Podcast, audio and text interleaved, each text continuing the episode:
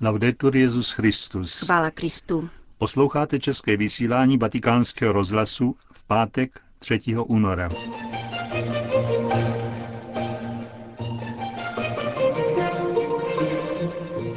Benedikt XVI. přijal další skupinu severoamerických biskupů.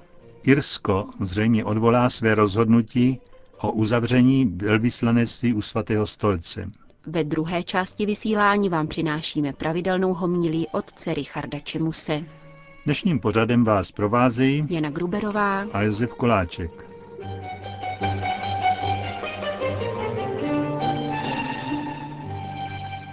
Zprávy vatikánského rozhlasu. Vatikán. Benedikt XVI. dnes přijal další skupinu biskupů Spojených států amerických, kteří vykonávají v těchto týdnech kanonickou návštěvu u svatého stolce. Jedním z témat rozhovoru je i nedávné rozhodnutí Obamovy vlády, které ukládá všem americkým zdravotnickým zařízením, včetně katolických, aby v rámci svých zdravotních programů poskytovali antikoncepci a prováděli potraty. Arcibiskup New Orleans Monsignor Gregory Aymont pro vatikánský rozhlas hovoří o reakci amerického episkopátu. Jsem trvale přesvědčen, že je třeba jednat dialogem, modlitbou a úsudkem. Nesmíme v této fázi zaujímat vyhraněné pozice či podnikat extrémní akce. Důvěřují ve smíření a kompromis, ačkoliv dosud nám vláda nevyšla vstříc jakýmkoliv návrhem k jednání. Situace je velmi matoucí. Netvrdíme, že všichni ve Spojených státech musí věřit v to, čemu věříme, a chovat se tak, jak se chováme my. Ale vláda nám odpovídá, žij si své náboženství ve svém kostele, na veřejnosti ti ukážeme my, jak žít podle tvých zásad. A to je něco velmi vážného.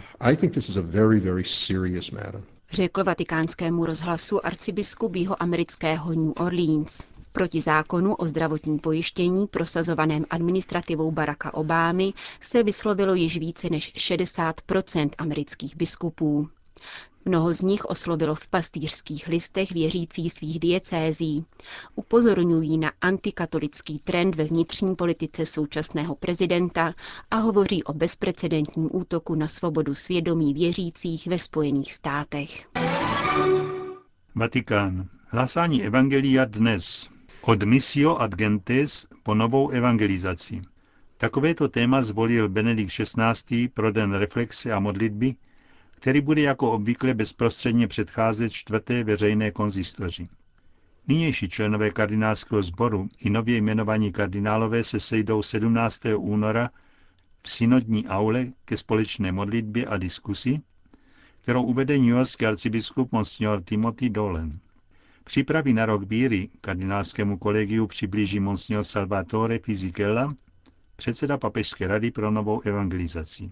Tiskové středisko svatého stolce dnes rovněž informovalo, že jeden z nově jmenovaných kardinálů, jezuita otec Karl Josef Becker, se nezúčastní ze zdravotních důvodů veřejné konzistoře 18. února, avšak přijme znaky kardinálské hodnosti soukromně v jiném termínu. Itálie. Zprávu o afgánské ženě uškrcené manželem a tchýní poté, co na místo vytouženého mužského dědice porodila jako třetí dítě opět holčičku, zveřejnila média počátkem tohoto týdne. Její případ je však pouhou špičkou ledovce, píše v italském listu Il Giornale sociolog a zástupce Organizace pro bezpečnost a spolupráci v Evropě pro otázky rasismu a diskriminace křesťanů Massimo Introvíně. Přesvědčení o nižší hodnotě narozených žen má v mnoha kulturách velmi staré kořeny, poukazuje italský sociolog. Dívka víc stojí a méně produkuje. Ginocida či gendercida, jak je selekce pohlaví odborně označována, je však rovněž moderním fenoménem usnadněným prenatální diagnostikou pohlaví a legalizací potratů. Statisíce nenarozených děvčátek byly a jsou obětí čínské politiky jednoho dítěte. Avšak nárůst obdobných jevů registrujeme také v Indii, uvádí Introvíně. Navzdory snahám indické vlády, která před dvěma lety zavedla zvláštní den dívek, se podle statistik každé třinácté děvče nedožije šesti let. A na vině v tomto případě nejsou nemoci. Tisíce dívek rodiče uškrtí nebo utopí a jejich úmrtí pak nahlásí jako nehodu. Další děvčata končí jednoduše na ulici. Existenci mnohých dívek rodiče neregistrují na matrice, čímž vzniká tragická situace bezprávných bytostí. Indické nemocnice registrují stále více žádostí o genitoplastiku u malých děvčátek, která je však pouhou vnější úpravou, píše introvíně a dodává. Pokud někdo odsuzuje tyto praktiky jako středověké, je dobré si připomenout, že ve středověku byly potrat či vražda dítěte skutečně řídkým jevem. Dublin. Irsko zreviduje rozhodnutí uzavřít své velvyslanectví při Vatikánu. Ujistil o tom tamní premiér Andy Kenny během setkání s poslanci své strany Fine Gael. Podle médií jde o výrazný signál, že vláda chce vycouvat ze svých předchozích kroků a hledá pouze dobrou záminku. Za ní by mohlo posloužit zlepšení finanční situace země. Oficiálním důvodem likvidace ambasády byla totiž úsporná opatření. Během setkání s poslanci Kenny hovořil také o nedávném setkání s irským primasem a arcibiskupem Dublinu. Premiér při nich prohlásil, že vláda by uvítala eventuální návštěvu Benedikta XVI. v Irsku u příležitosti Mezinárodního eucharistického kongresu, plánovaného na červen letošního roku. Londýn. Úsilí změnit definici manželství připodobňuje Davida Camerona diktátorům, kteří zaváděli Newspeak. Tak daleko vláda politiků nesahá, řekl John Sentamu, anglikánský arcibiskup Yorku a druhý muž britského anglikanismu. Vystoupil proti plánům Cameronovy vlády, která chce pod pojmem manželství zahrnout také svazky osob téhož pohlaví. To máte tak, jako by někdo ze dne na den rozhodl, že se církev nebude zabývat náboženstvím, ale válkou a stane se součástí ozbrojených sil. Politici nemají absolutní vládu nad skutečností a jazykem, zdůraznil anglikánský arcibiskup a ujistil, že anglikánská církev nebude souhlasit se zaváděním homosexuálních manželství. Konec zpráv. Nemoc. Tak nazval svou homílí k nadcházející neděli otec Richard Čemus. Kdo na tomto světě by byl rád nemocen?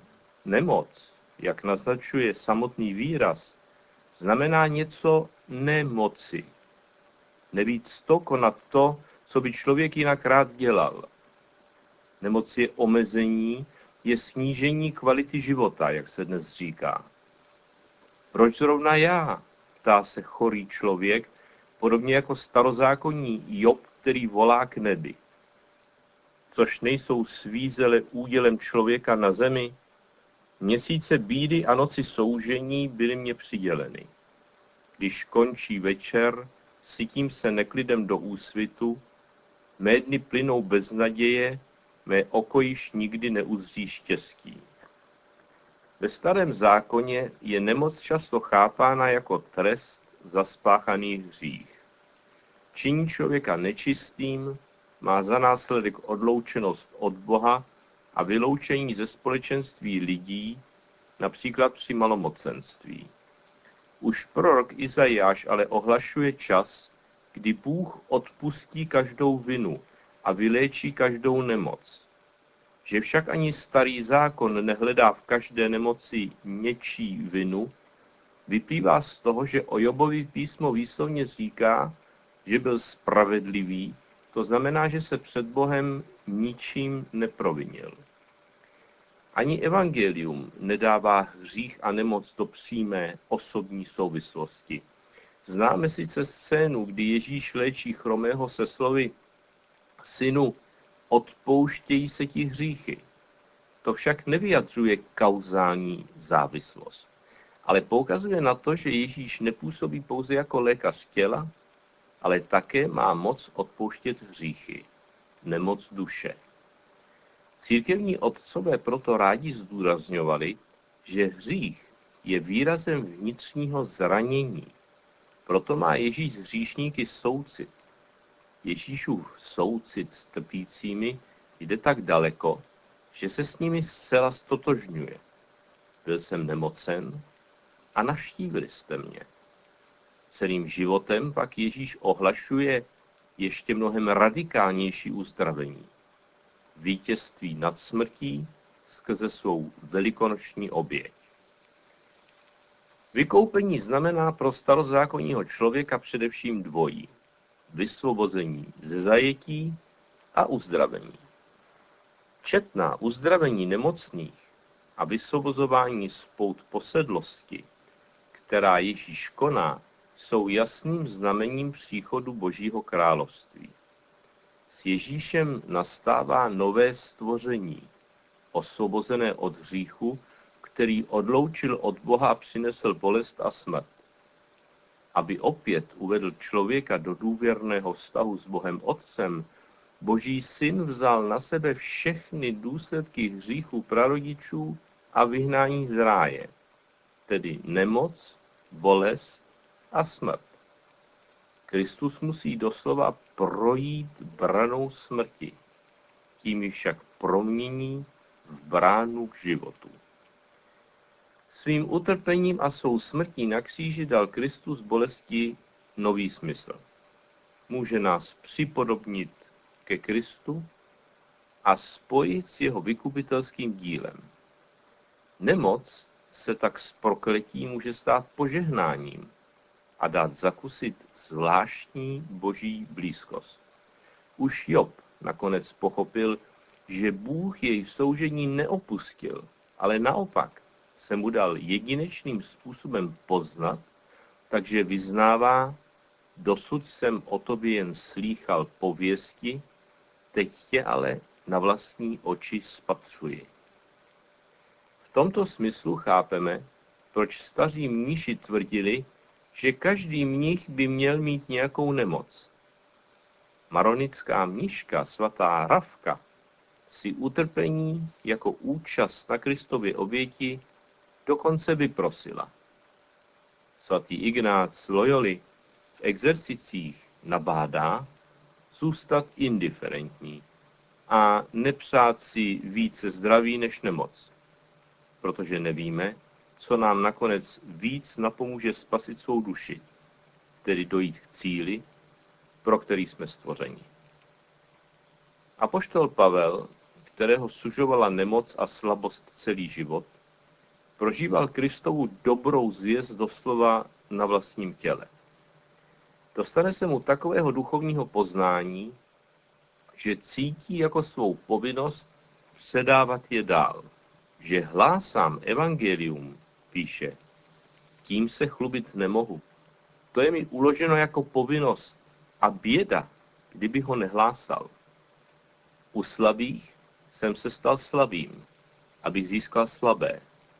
Pro všechny jsem se stal vším, abych stůj co stůj zachránil alespoň některé.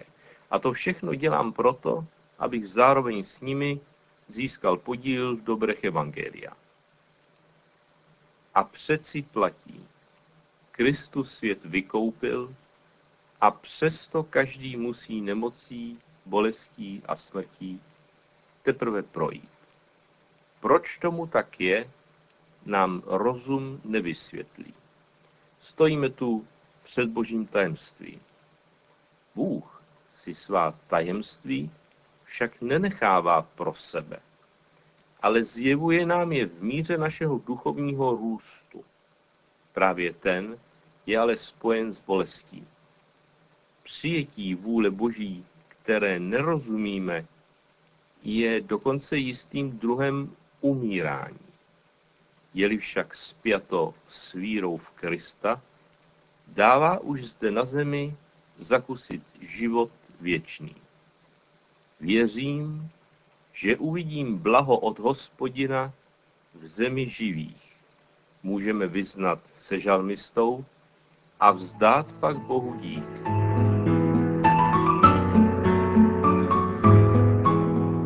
Slyšeli jste promluvu otce Richarda Čemuse k páté neděli v mezidobí. Končíme české vysílání vatikánského rozhlasu. Chvála Kristu. Laudetur Jezus Christus.